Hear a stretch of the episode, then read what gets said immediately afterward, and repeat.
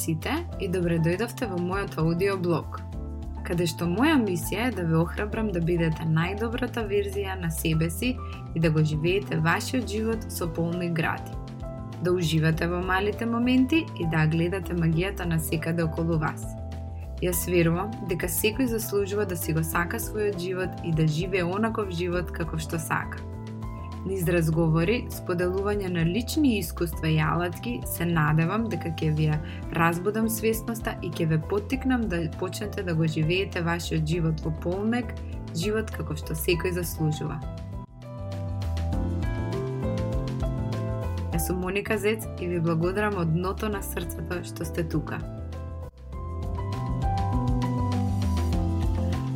Здраво, здраво на сите.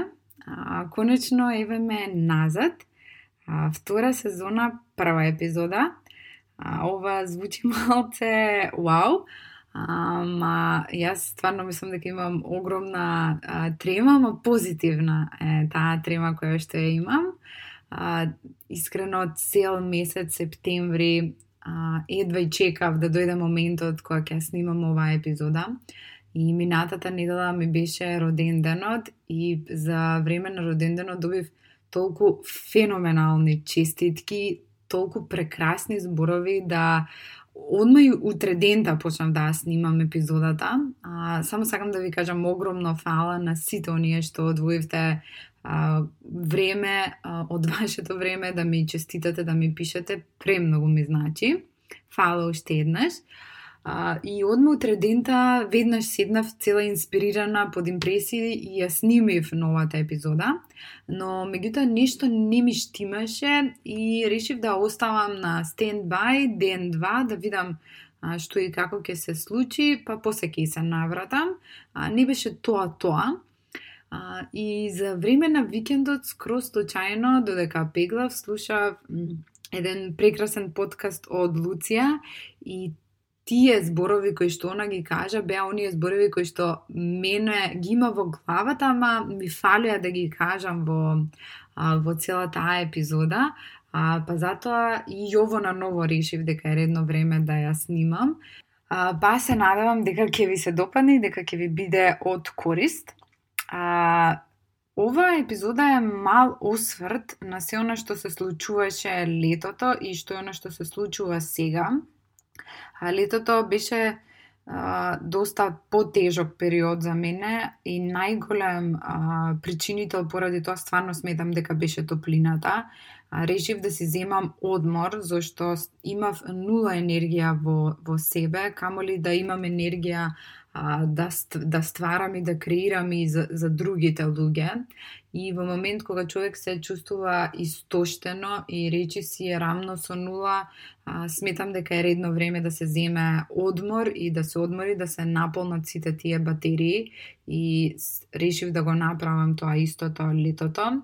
А, летото stvarno, uh, kako iz Minative tri leta za mene, bi še leto na, na učenje, uh, leto koje što me nauči mnogo novi ravati, koje što ke probam da vidi prenesam sega, uh, bi še uštedno leto na transformacija, uh, za mene lično iskreno, nisam zašto, ampak mislim, da ga а, како што земината топка се, се ротира и како што се случуваат годишните времења, а, истите тие се за мене лично повик за сите тие промени. Па се надевам дека може би и вие ќе го прифатите тој повик кој што нели со доаѓањето на есента а, го имаме.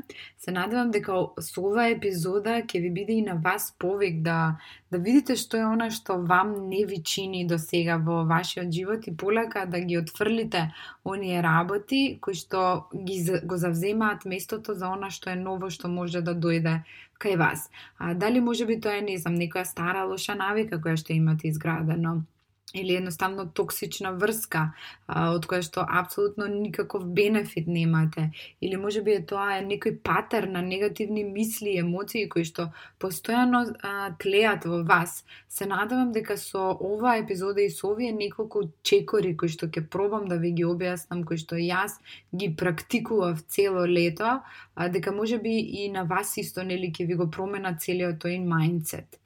А, како што кажав, нели, топлината си го направи своето и стварно во еден период се, се чувствував истоштена, а, но со доаѓањето на месец септември, а, сите работи многу се сменија кај нас, Ема тргна во градинка и тоа е една огромна трансформација не само за неа, туку и за мене и за целото наше семејство. И е, уште е процес на адаптација, е, дури повеќе и за мене, но мислам дека конечно полека, полека си доаѓам на своето, конечно и те како ја имам добиено целата таа енергија која што ја нема во текот на летото, целиот тој елан, волја, љубов а, за креирање на ново нешто, за за растење на бизнисот, за за расти, за развој на самата себе си, за пренесување на сите оние пораки кои што сакам да ги пренесам и мислам дека тоа можете а, многу мина од вас да го препознаете.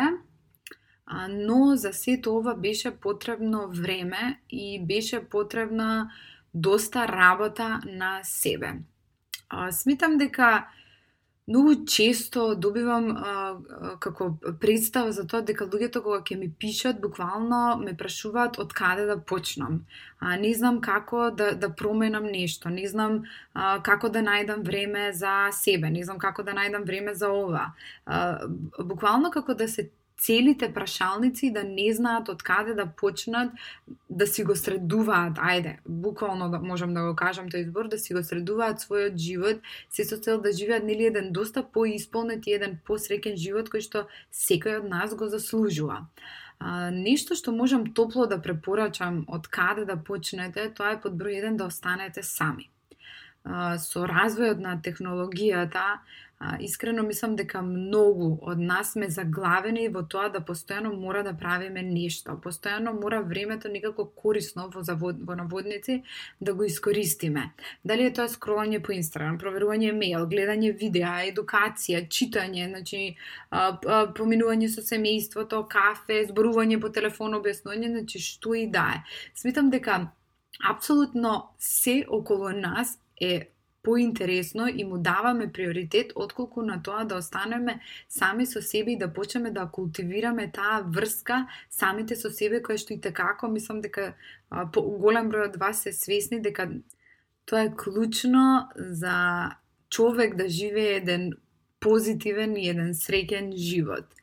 А, ајде да, да, да размислиме, пример, ако добиете некаков повик, веднаш имате нагон да се јавите на истиот.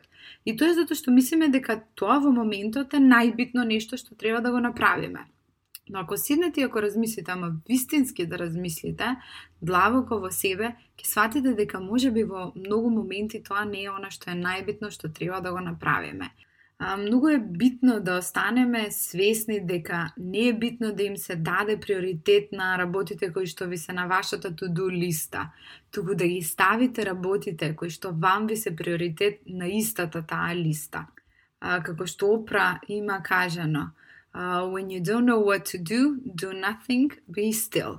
Така што топло би ви препорачала на сите вас кои што сакате да почнете а, да менувате нешто во вашиот живот е да најдете момент, период во денот каде што ќе останете сами, без телефон, без книга, без телевизор, без, без апсолутно ништо и да бидете сами со вашите мисли. И ќе видите од тука колку, а, колку многу работи може да произлезат со, со самата таа конверзација која што вие ќе се имате со себе. А, пишувајте, не знам, ако, не, ако едноставно не ви доаѓа природно да да, да правите било што, значи земете ако во тој момент пишувајте, пишувајте како се чувствувате, пишувајте што е оно што ви пречи, пишувајте што е оно што ве радува или зборувајте за истото самите со себе во огледало. Може би некој ќе се смие на ова, но и како ова може да биде толку терапевтски и да биде решение на, на се оно што вам ви се случува, нели? А, да почнете да ги увидувате работите кои што вам ви се случуваат и да почнете да ги менувате истите. А, број 2, што нешто би сакала да посочам откако ќе останете сами, е тоа да превземете одговорност за самите вас. Одговорноста е вештина а, за која што за жал многумина од нас ја немаат, не сме учени и не сме растени така. а, нашето општество е такво да одговорноста е нешто што не постои, мислам дека во нашиот речник. А земете од самото тоа да додите во администрација и наидувате на проблем и сите викаат ама не сум јас крив, а, не е ова моја одговорност на, на тој позади мене. И значи постојано покажуваме со прст на некого, а никој не застанува и не го соочува проблемот и нели неа превзема таа одговорност да го реши тој проблем. А одговорноста е вештина која што се учи од мали нозе, мислам, затоа јас зборувам многу често за тоа колку е битно да децата ги учиме и да имаат они одговорности, значи дали е нешто околу домо, дали е за облекување или што и да е. Со самото чувство на наметнување на таа одговорност ние и текако растеме во една доста посамоуверена личност. Одговорност е она особина која што е клучна за секој од нас да има еден попозитивен мајндсет. Кога вие ќе превземете одговорност за самите вас и ќе сватите дека вие сте одговорни, како вие се чувствувате, како вие реагирате на работите кои што ви се изложени на вашиот пат секојдневно, со кого вие поминувате време, на што го трошите вие вашето време, што, со кои луѓе се дружите, со кого комуницирате, како комуницирате, каква енергија имате најбито од се и каква е она енергија која што вие ја ширите помеѓу другите, а, тогаш ќе сватите колку животот сушност може да биде убав и колку вие имате и време и енергија да уживате буквално во животот. А, оние луѓе верувам дека, не знам, имате наидено на доста луѓе кои што ги гледате дека се по, доста попозитивни, а, дека стварно уживаат во животот и во оние мали работи и ја гледаат магијата на секаде околу, околу нив. Тие се оние луѓе кои што буквално ја превземаат одговорноста и, и се свесно одлучуваат како ќе се чувствуваат. А, многу голем број луѓе бегаат а, од таа одговорност и најлесно е да се обвинат другите за нештото, но најчесто тоа е она што не ни ги олеснува на нас работите, не не прави да се чувствуваме поубаво, не не прави да, да, да се чувствуваме посрекино. А, пасивно, најле... значи ние луѓето сме по природа доста пасивни суштества и најлесната опција а, за било кој од нас е тоа да бидеме пасивни кон било што што се случува околу нас. Кога никој се соочува со било каква потешкотија, дали е тоа проблем или или што и да е, многу често одиме по линија на помал отпор. А, тешко е човек да се соочи и да превземе било каква одговорност а, за подобро утре. Нели тоа тоа бара од нас да а, постојано работиме на самите нас, да да бидеме упорни, да да сме свесни. А тоа бара огромна само самодисциплина. А, искрено тешко е да се одбере, да се да да се биде позитивен, да се реагира добро, да се биде љубезен во во поготово во времето во кое што растеме, а, поготово во времето во кое што нели сите сме а, не по наша вина изложени за истото. А, но само да ви кажам, тоа е она што ја прави главната разлика помеѓу оние луѓе кои што живеат позитивен и исполнет живот и од оние луѓе кои што живеат пасивен и несреќен живот. Одговорноста е нешто што нам најтешко ни паѓа, но ние имаме таа опција да секој ден бираме нешто поинаку. А, тоа е оној трет чекор кој што би се кој што би сакала да го кажам, а оној за кој што Луција и како многу убаво збореше и во многу со многу убави зборови го срочи сето тоа, тоа е опцијата да одберете поинаку. Ние како луѓе сите ја имаме истата шанса да одбереме поинаку. Имаме право да одбираме како ќе живееме. Имаме право да одбираме како ќе реагираме, каква енергија ќе шириме. Тоа е таа опција која што ни е подеднакво дадена на сите нас. Тој ни е оној избор кој што ни е даден нели подеднакво на сите нас. Ние сме оние кои што имаме право да одбереме поинаку, да се однесуваме, да размислуваме, да чувствуваме во секоја ситуација, секој ден, во секој момент ова бара огромна свесност, огромна будност и огромна самодисциплина. А, но самодисциплината е една од најтешките особини покрај одговорноста која што било кој може да поседува, но, но таа е таа особина која што а, ги одвојува вистински срекните луѓе и вистински успешните а, луѓе. А, да човек одбира поинаку а, во било која дадена ситуација, а, бара постојано работа, значи бара постојано будност, бара постојано свесност, но мислам дека колку повеќе го практикувате тоа, толку по, полесно станува а, и сето тоа нели и како се рефлектира не само на вас, туку и на луѓето околу вас и на, на, на целото општество односите со другите луѓе стануваат полесни, денот искрено ни станува поубав. Ајде пример како да за мене лично како изгледа тоа да јас одбирам поинаку а, да се однесувам. И тоа бара и како многу работа. Значи, можам да кажам дека цело лето е она на кое што работев и, и многу често а, паѓав и многу често свесно не одбирав да, да размислувам поинаку а, и многу често некако навлегува во таа комфорт зона во која што бев и многу ми беше полесно нели да додам по линија на помал отпор, но но со, со многу труд, со постојано будност, конечно мислам дека после цели 3, 4, па и може би и 5 месеци тоа полека почнува да носи и такако сериозни резултати, кои што не се само видливи за мене, нели се видливи и за моето најблиско семејство, најбитно од се.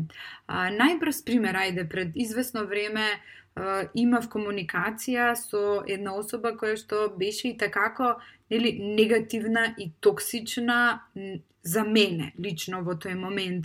Јас имав од опција да да продолжам да комуницирам со истата, нели, а, и да се изнервирам и со самото тоа да си го уништам целиот мој ден, да да проектирам таа негативна енергија која што само таа личност ми ја пренесе на мене, но јас свесно застанав и реков, окей, одбери поинаку, значи буквално отидов во веце сама со себе, значи застанав, земав три длабоки издива, чи вдиши издиши три пати и си реков сама со себе, окей, Значи, веќе имаш влезено во комуникација со доста токсична личност, не по твоја вина, нели нормално, мислам, пробувам да се чувствувам со таа личност и да си дадам перспектива зошто може би она така се однесува, чисто да си олеснам повеќе на самата себе си и Значи, буквално си кажав, или ќе продолжиш да комуницираш и да пробуваш да се објаснуваш со личност со која што и такако не разбира ништо подалеку од својата перспектива, или имаш опција да престанеш да комуницираш, да не ја отвориш пораката, може би ќе бидеш лута, нервозна 5 минути, со тоа ќе бидеш доста позитивна, ќе останеш доста посмирена, ќе имаш доста поубав и попозитивен ден со твоето семејство, додека ако продолжи да комуницираш, ем ке си го изгубиш времето, ем ке се наполниш со негативна енергија, ем ке ја проектираш таа негативна енергија во текот на целиот ден и сито тоа ќе, ќе биде еден круг а, во кој што постојано ќе се вртиме. А, затоа друг пат, кога ќе се најдете во ситуација во која што може би стварно не сакате да се да се најдете и во која што едноставно не се чувствувате убаво, не се чувствувате добро, застанете и размислете што е она што можете да одберете да го правите поинаку. А, ова е една од најлесните и наједноставните опции која што секој од нас а, ја има да ја практикува на секојдневно ниво. А, и нешто што наведум изгледа толку лесно, а всушност на почетокот и како не е лесно и бара огромна будност, огромна свесност, но нешто што многу сериозно носи многу позитивни и многу добри резултати. А, ние луѓето мислам дека по дефолт многу лесно паѓаме под влијание на на целата околина, на, на времето, на се оно што се случува околу нас, што не можеме да го контролираме и пробуваме да ги исправиме, нели, сите оние работи кои што се стварно не се во наша контрола, како пример, нешто најопшто тоа е пандемија. И нели пробуваме да, да се бориме против тоа, но никогаш не сме свесни дека Сушност, тоа не е наша работа. Тоа не е она со кој што ние треба да се бориме. Ние треба секојдневно да се бориме со со она што е внатре во нас, со, со самите нас. Ние треба да секојдневно да се изборуваме за подобро утре. Сите ги имаме истите шанси, истите опции, сите се будиме секој ден, нели, под исто небо, дишаме ист воздух горе-доле, но, но не секој одбира да живее на ист начин. Многу од луѓето одбираат да останат во таа своја комфорт зона и да не излезат подалеку од неа, но има и такви кои што секојдневно стануваат и гледаат да имаат подобро утре. А, така што изборот ни е на сите нас подеднакво даден, само нели е многу битно да вие свесно одбирате што и како ќе правите со самите вас и што е она што нели вие ќе одлучите да го правите со вашето време, со вашите чувства, со вашата реакција, со со луѓето околу вас. А, мислам дека сега за сега тоа е она што би сакала да, да го кажам. Се надевам дека може би со овие зборови ќе ве поттикнам баре малку да почнете да, да размислувате што е она што вие денеска можете да одберете да го правите поинаку, а, и што е она што оваа нова сезона а, вам ви го носи и што е она што вие би сакале нели да се ослободите што и како не ви служи повеќе на вас. А, наскоро ќе имам доста нови интервјуа со со ефтен супер ликови кои што имаат и како сериозни приказни кои што а, стварно сметам дека поголемата маса треба да ги чуе А, мислам дека е редно време да повеќе им се даде и платформа и можност на сите овие феноменални луѓе да се изразат, да зборуваат се со цел да пренесат нивната а, порака која што може и те како да едуцира многу, многу, многу луѓе и да промени многу животи. А, знам дека јас конкретно на тој начин ја започнав а, целата моја таа трансформација и до ден денеска тоа е начинот на кој што јас напорно работам на себе, нели за да бидам подобра верзија а, за сама себе, а после и за моето семејство и за целокупното општество. А, ви благодарам премногу уште еднаш што одвоивте време да изслушате оваа епизода. А, доколку имате било каков фидбек, било каков коментар, што и да е, а, ве молам споделете го со мене а, во мојот инбокс на Инстаграм. А, многу, многу, многу би ми значело и ви благодарам уште еднаш. Имајте прекрасен ден. Поздрав, чао, чао.